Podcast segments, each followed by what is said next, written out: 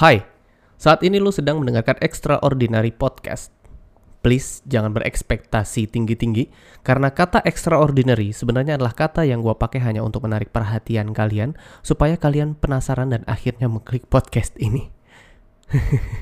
Terjebakkah Anda? So, let's enjoy the show. Welcome to the Extraordinary Podcast.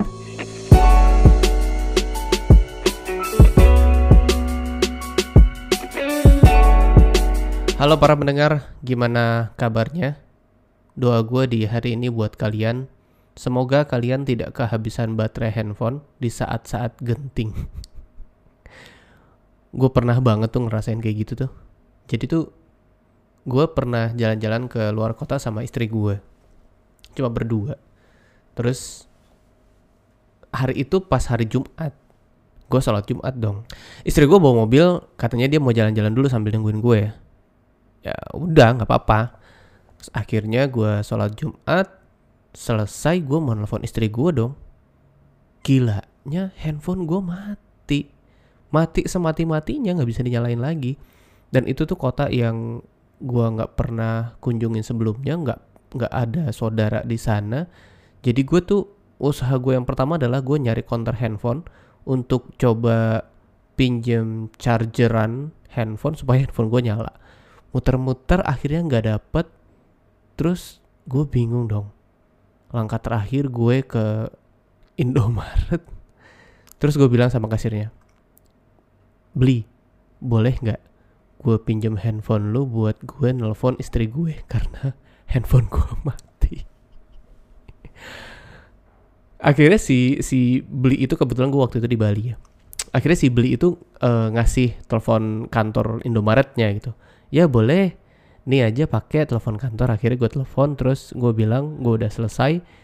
Uh, dan kebiasaan istri gue sebenarnya kalau ada nomor telepon yang nggak pernah dia save sebelumnya itu jarang diangkat.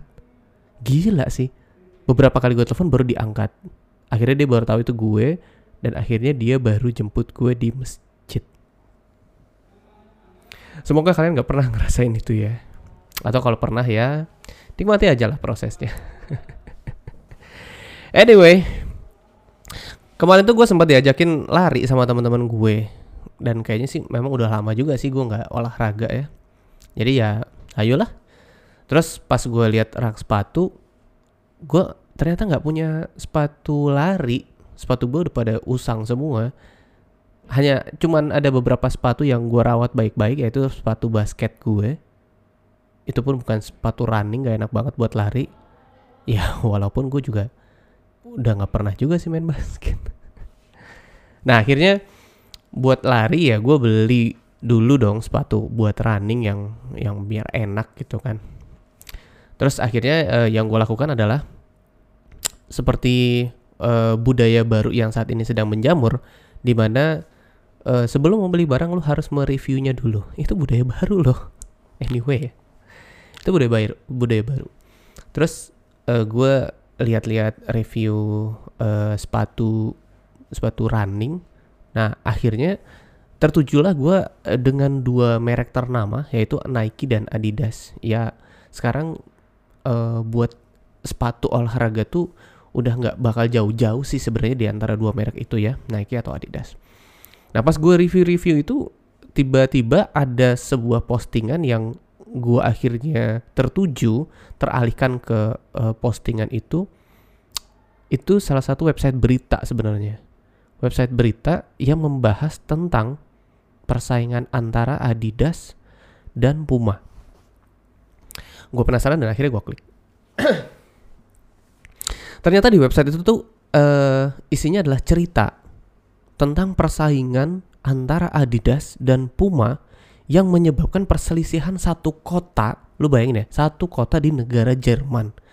Gila sih. Saking penasarannya akhirnya gue terfokus ke uh, postingan di berita itu ya.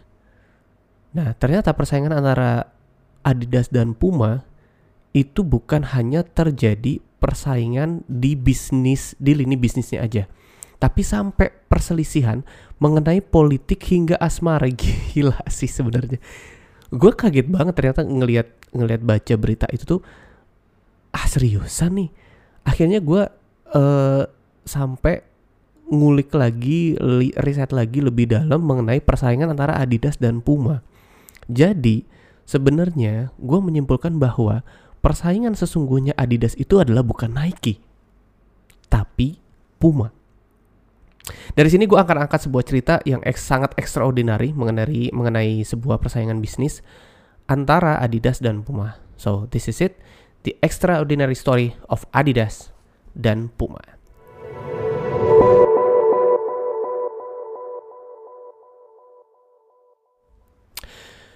Gua mau mulai cerita mengenai uh, Adidas dan Puma dimulai dari sebuah keluarga. Ternyata usut punya usut, pemilik Adidas dan pemilik Puma itu adalah kakak beradik. Namanya Adolf Dassler dan Rudolf Dassler. Adolf itu yang pemilik Adidas, Rudolf itu adalah yang pemilik dari Puma. Jadi gini, si Adolf itu lahir tahun 1900, sedangkan Rudolf itu lahir tahun 1898. Yang berarti sebenarnya Rudolf itu adalah kakaknya, Adolf itu adalah adiknya.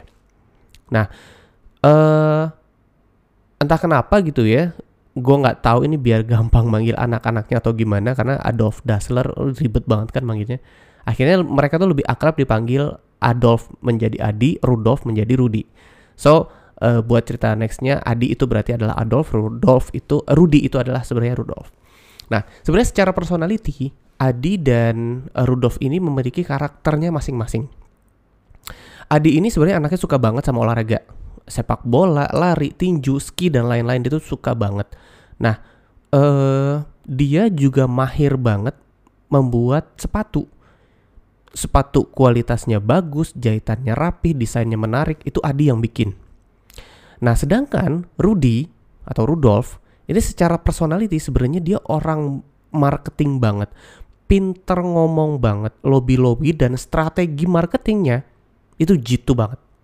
Jadi kombinasi antara Adi dan Rudolf ini adalah kombinasi yang keren banget untuk sebuah perusahaan. Nah, uh, awalnya antara Adi dan Rudy sebenarnya mereka kerja di perusahaan yang sama. Adi dan Rudy ini bekerja di pabrik sepatu milik ayahnya.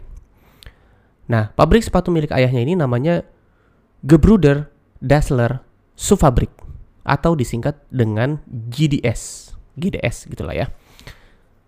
Nah, di, di perusahaan pabrik sepatu ini, ini sebenarnya GDS ini benar-benar sudah terbilang sukses. Apalagi dengan kombinasi antara Adi yang dia itu pinter banget bikin sepatu dan Rudy dia itu pinter banget untuk uh, pemasaran, marketing, strategi pemasaran itu jago banget sih Rudy. Nah sebenarnya si uh, kombinasi antara kedua ini benar-benar mem membuat sebuah pabrik GDS ini sudah terbilang sukses gitu ya di Jerman. Nah, salah satu yang menjadi tonggak kesuksesan di GDS ini, ini pada suatu hari si Adi ini dia bingung ya, dia bingung kenapa sepatu olahraga untuk berbagai macam olahraga itu ternyata dulu sepatunya sama lu mau olahraga sepak bola, lari, tinju, sampai ski pun zaman dulu ternyata sepatunya sama. Sepatu olahraga ya udah itu aja gitu loh. Nah, dia mendapat uh, ilham mungkin ya untuk membuat sebuah inovasi baru. Nah, inovasinya adalah si Adidas Dassler ini dia mau buat sebuah sepatu yang spesifik. Pada kala itu si Adi senang banget lari nih, jogging seperti anak milenial masa-masa kini ya lagi zaman zamannya jogging gitu. Nah si Adi ini kalau pakai sepatu olahraga yang biasa dia pakai untuk lari itu dia sering terpleset. Sering kepleset gitu loh. Jadi akhirnya si Adi ini bete gitu ya. Gue pakai sepatu ini kenapa jatuh melulu gitu kepleset melulu sedangkan lagi enak-enaknya lari lagi enak-enaknya olahraga gitu. Nah akhirnya Adi Dassler ini punya uh, rumusan Terus dia bikin sebuah inovasi untuk sepatu baru di mana sepatu ada pakunya untuk mencengkram tanah lebih rekat. Jadi zaman dulu tuh belum ada sepatu yang ada paku di bawahnya gitu kayak sepatu bola. Itu zaman itu belum ada. Nah, ternyata sebenarnya si Adi ini bikin untuk lari. Untuk pelari atau untuk olahraga lari gitu ya. Nah, waktu itu sempat ditawarin nih, sempat ditawarin dan sebenarnya sudah diproduksi di di GDS itu sudah diproduksi sebenarnya. Nah, di GDS itu diproduksi cuman ternyata dicemooh banyak orang. Banyak orang-orang yang bilang, "Lu bikin sepatu apaan sih kok ada pakunya? Emang lu bi- mau bikin rumah apa gimana sih gitu?" Sedangkan zaman dulu belum pernah ada sepatu yang ada paku di bawahnya. Banyak diketahui orang, dicemooh orang dan lain sebagainya. Nah, waktu itu memang belum belum terlalu laku sepatu itu. Nah, akhirnya Rudy sebenarnya sudah melihat sebuah potensi dari sepatu ini. Ini sebenarnya sepatu keren loh. Sepatu ini sih sebenarnya inovatif banget gitu loh. Akhirnya Rudy menerapkan sebuah strategi marketing yang jitu banget. Dia mendekati atlet lari, dia mendekati atlet lari, dan pada saat itu atlet itu dibilangin sama si Rudolf gini, bro, lu mau pakai sepatu ini nggak? Ini sepatu lari yang terbaru, yang paling inovatif. Terus si atlet itu bilang, ini sepatu apaan bro? Masa sepatu ada pakunya? Cuman gue nggak tahu juga ya zaman dulu tuh pakunya kayak gimana gitu. Kalau zaman sekarang kan pakunya yang bentuk kayak gitu ya. Apa zaman dulu tuh bener-bener bentuk paku kayak paku payung? gue juga nggak tahu sih. Sampai begitu banyak dicemooh sama orang gitu. Sampai si atlet, atlet lari ini juga bilang, "Eh, ini nggak bakal enak lah gue pakai lari. Masa sepatu apa sepatu ada ada pakunya kayak gini. Terus si Rudy dengan jago lobby lobbynya, ya jago lobby. Jadi si Rudy akhirnya uh, membujuk si atlet ini untuk lu pakai dulu aja. Kalau lu belum pakai, lu belum pernah tahu. Ini adalah sepatu yang paling inovatif. Sepatu masa depan. Kalau seandainya lu pakai ini, lu menjadi orang pertama yang pakai sepatu ini sebelum ini meledak. Karena akhirnya termakan oleh bacotannya si Rudy, akhirnya si atlet ini mau. Dan delalahnya si sepatu itu akhirnya dipakai dan bener aja si atlet ini merasa enak banget, merasa enak, merasa nyaman dan akhirnya dipakai di pagelaran Olimpiade. Lu bayangin ya, dipakai di pagelaran Olimpiade yang mana pada saat itu semua mata tertuju di ajang itu. Begitu dipakai, atletnya juara satu bos, juara satu dan semua orang melihat ini sepatu apa. Langsung JDS itu meledak pesanan untuk sepatu itu. Nah, eh, itu adalah salah satu tonggak di mana GDS ini benar-benar sukses meraih eh, apa namanya penjualan di kala itu ya.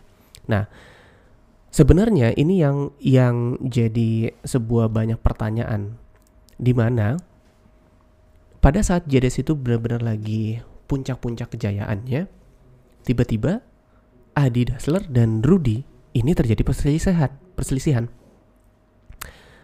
Nah, dari bahan-bahan riset yang gue uh, pelajari, sebenarnya perselisihan di antara Adi dan Rudy ini belum ada yang benar-benar memvalidasi alasan-alasan kenapa mereka berdua berselisih. Tapi ada memang beberapa beberapa spekulasi. Ini di antaranya ya.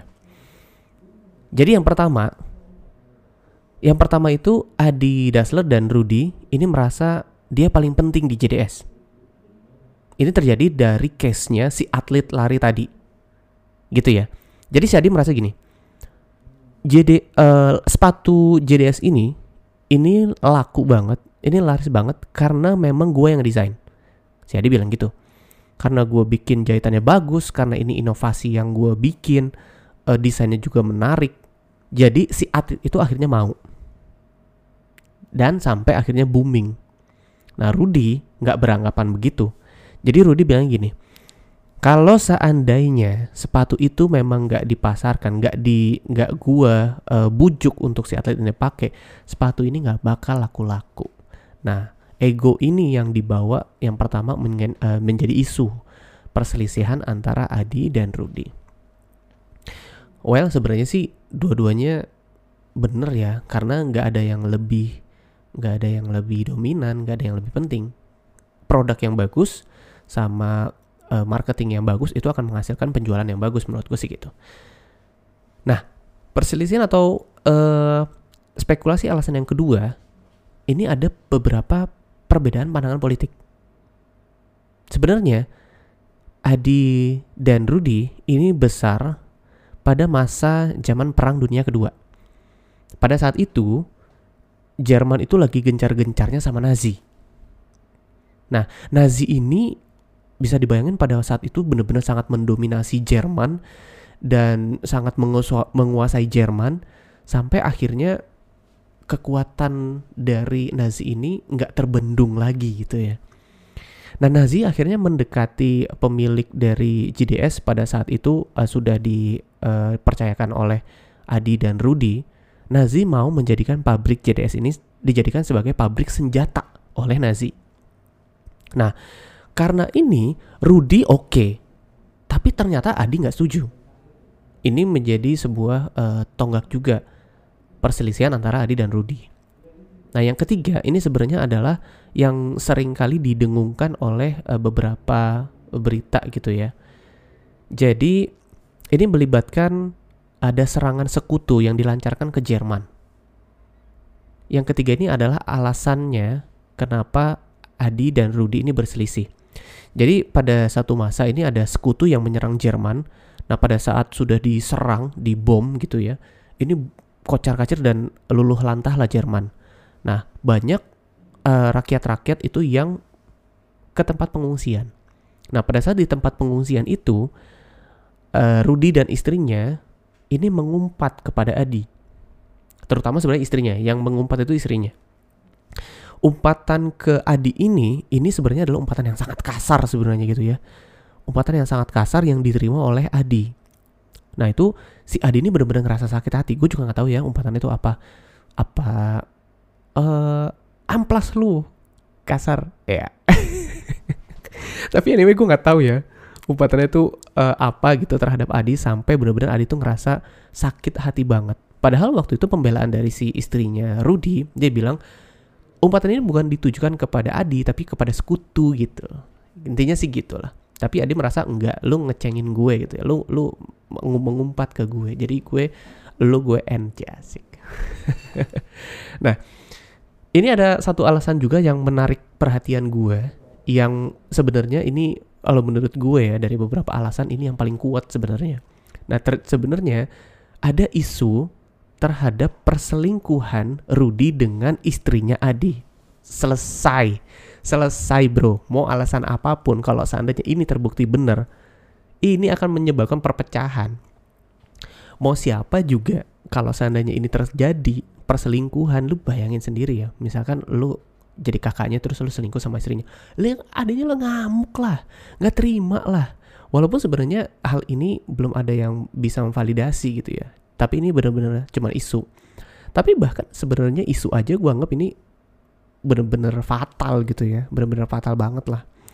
Nah ini ini isu yang yang terakhir sebenarnya. Walaupun secara uh, validasi nggak nggak nggak bisa dibuktikan secara kuat tapi kalau menurut gue sih perselingkuhan antara uh, Rudy dengan istrinya Adi ini benar-benar ya puncak lah sebenarnya siapa yang mau terima coba anyway itulah beberapa alasan-alasan tadi nah jadi pada saat uh, beberapa alasan-alasan itu itulah yang menyebabkan Rudy memutuskan untuk berpisah dan keluar dari JDS jadi Rudy cabut dari JDS dan akhirnya dia membangun perusahaan sepatunya sendiri. Dari beberapa literasi gue baca ternyata Rudy ini ngambil beberapa eh, mesin-mesin pembuat sepatu dan akhirnya dia cabut dan dia ngebuat perusahaan sepatunya sendiri. Pada saat pecah itu, Adi Dassler akhirnya meneruskan perusahaan JDS. Nah, akhirnya si Adidas ini mengganti nama GDS menjadi Adidas. Yang sebenarnya uh, kependekan dari Adidasler. Adidasler jadi Adidas, Adidas, Adidasler, Adidas ya gitu. Nah, sedangkan Rudy ini sebenarnya dia uh, bikin perusahaan sepatu juga. Awalnya namanya Ruda. Rudy Dassler, Ruda Ruda. Kayaknya nggak nggak nggak bisa mikir nama lain gitu. Apa nih zaman dulu gitu ya? Tapi eh, pada saat dia bikin Ruda si Rudy Dassler ini sepertinya nama Ruda itu nggak nggak hoki gitu ya. Nggak hoki nggak menjual gitu. Nah pada saat nggak menjual ini dia merasa nggak menjual karena memang sebenarnya Rudy ini pinter uh, strategi marketing. Akhirnya dia ganti namanya menjadi Puma yang gambar itu loh uh, apa puma ya gambar puma gambar macan bukan macan tutul gambar puma lah. Itu menjadi uh, lebih familiar bagi orang lebih uh, dikenal dan uh, lebih menjual. Menurut Rudy tapi gini menurut gue ya konyolnya si Rudy Dassler ini konyolnya ya ini sebenarnya dia bikin perusahaan itu nggak jauh-jauh dari pabrik si Adi Dassler. Nggak jauh. Jadi lu bisa bayangin misalkan uh, si si pabriknya Adi Dassler ini ada ada ada di sebuah tempat dan beberapa meter dari jarak pabrik itu ada ada kali gitu ya ada kali. Si Rudy bikin di seberang kali. Kok kali sih? Sungai gitu ya. Di Jerman gak ada kali bro adanya sungai. Oke okay, jadi si si Rudy Rudy Dassler ini dia bahkan begitu udah ngambil beberapa mesin dari pabrik JDS dia bikinnya tuh di di seberang sungai dari si Adidas lah jadi itu deket banget. Jadi masih satu kota masih satu kota dan deket banget. Mungkin kalau naik ke lantai paling atas itu masih bisa lihat-lihatan gitu cie nah ini yang yang menjadi sangat menarik sebenarnya ya. Eh uh, di Jerman ini perusahaan sepatu sebenarnya dulu yang mendominasi adalah Puma. Sebenarnya nggak heran. Karena sebenarnya Rudy itu benar-benar uh, dia strategi marketingnya jitu uh, hebat lah gitu ya jago. Dan pada saat dia men mendominasi dari Jerman Adidas itu nggak terlalu naik. Karena secara pen, ada secara marketing nggak terlalu bagus mungkin ya. Tapi ada kalanya di mana Adidas ini benar-benar uh, menjadi tonggak untuk ke puncak ke puncak kejayaannya Adidas jadi gini pada saat itu Rudy sudah sudah uh, menjadi sudah kerjasama sama tim nasional Jerman. Jadi semua uh, dari kaos, dari sepatu atau apa pun itu disupport sama uh, Puma. Nah, pada kala itu Rudy berseteru sama pelatih Jerman. Nah, momen ini dimanfaatkan oleh Adi untuk masuk.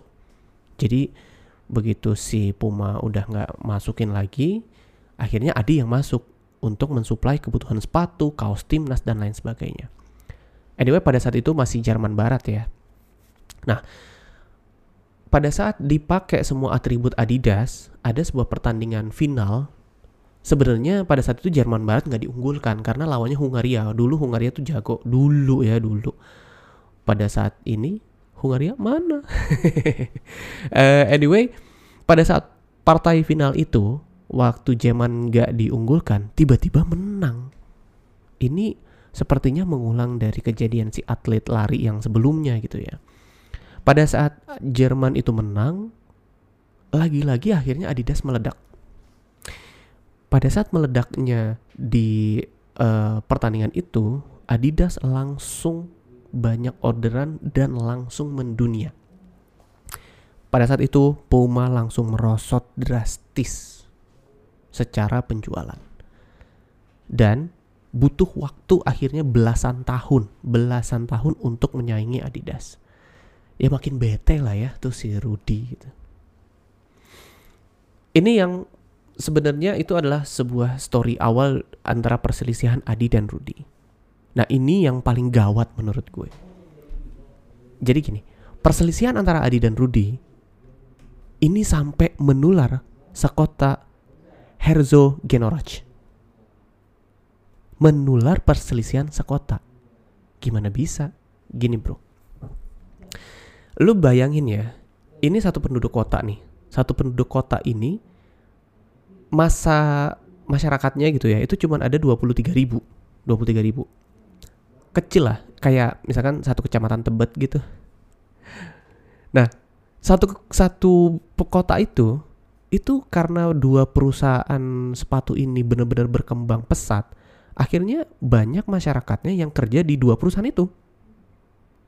Jadi sebagian kerja di Puma, sebagian kota, uh, sebagian penduduk kotanya kerja di Adidas. Kebagi dua lah tuh antara karyawan Puma dan Adidas. Dan ini yang menurut gue gila banget sih. Ini sadisnya ya, ini sadisnya. Jadi gini, karyawan-karyawan Adidas dan karyawan-karyawan Puma itu dilarang untuk saling berkomunikasi. di antara dua karyawan itu gak boleh saling berkomunikasi. Lu bayangin, dari satu kota itu ada dua, bener-bener kepecah dua.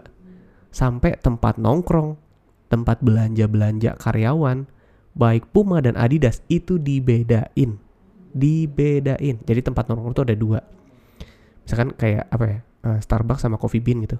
Jadi anak-anak Adidas tuh nongkrong pasti di Starbucks. Anak-anak Puma tuh nongkrong pasti di Coffee Bean gitu. Aneh banget sih. nah tempat belanjanya itu pun juga sebenarnya kebagi dua. Jadi misalnya gini, anak-anak Adidas itu belanjanya di Indomaret, anak-anak Puma belanjanya di Alfamart. udah kayak ini, udah kayak laki-laki di laki perempuan di masjid tuh dipisahin ya. Yeah.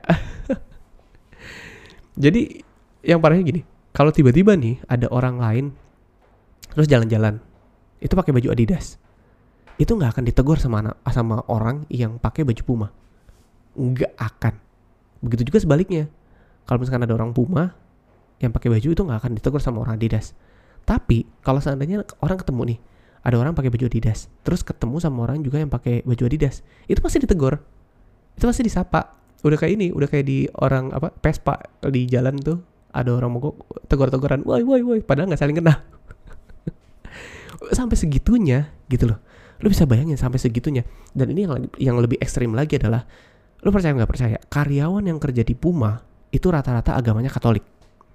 Karyawan yang kerja di Adidas itu rata-rata agamanya Protestan. Sadis bro.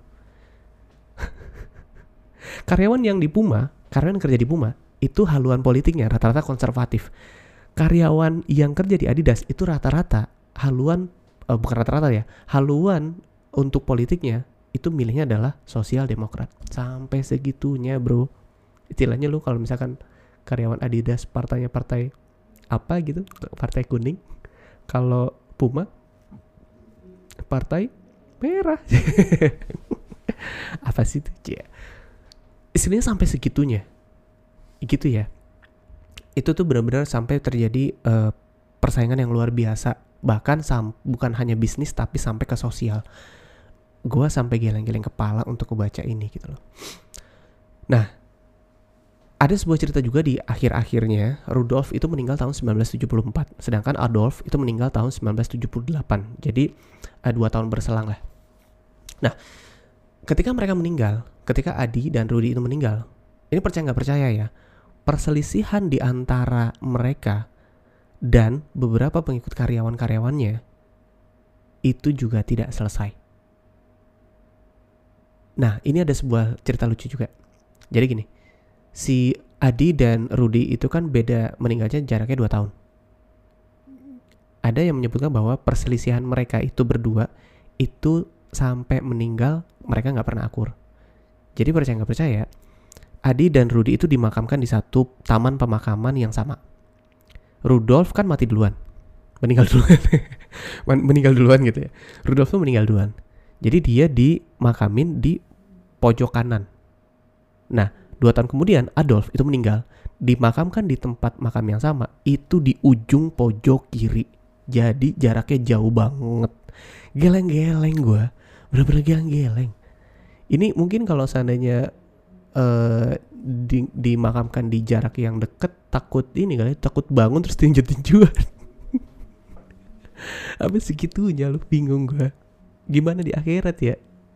Mungkin cubit-cubit aja, cubit-cubit. nah, seperti yang tadi gue uh, sedikit uh, ulas, gimana uh, pasca mereka meninggal. Karena kan sebenarnya yang berselisih itu mereka gitu ya. Ternyata perselisihan antara Rudy dan Adi ini benar-benar menular ke karyawan dan mungkin udah mendarah daging. Jadi perselisihannya itu nggak selesai sampai mereka meninggal. Itu masih berlanjut. Itu masih benar-benar berlanjut. Jadi gini, tapi menurut gue ada ada beberapa ada ada beberapa hal positifnya juga ya. Jadi gini perselisihan mereka itu cukup sehat sebenarnya antara Adidas dan Puma.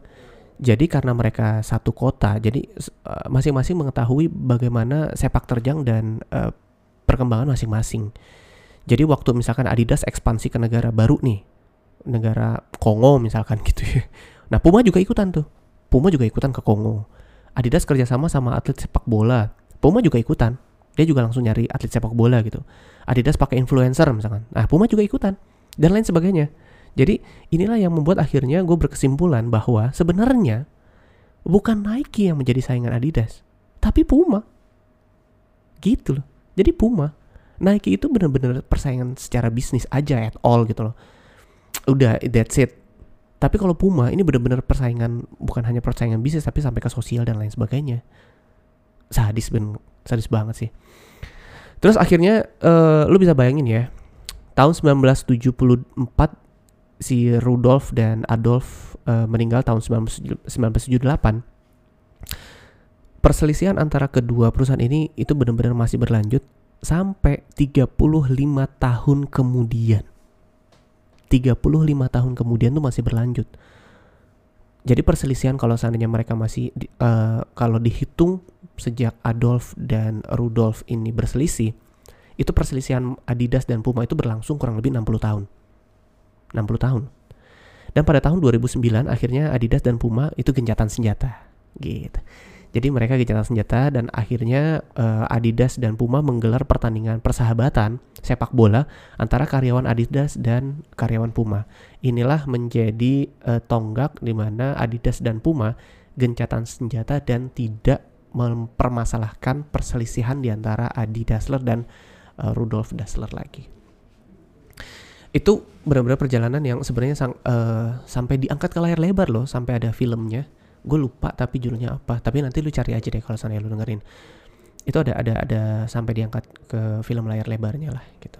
Nah uh, ini opini gue terhadap terhadap uh, cerita extraordinary tadi ya. Menurut gue gini uh, perselisihan kritik saran itu sebenarnya ada kalanya baik.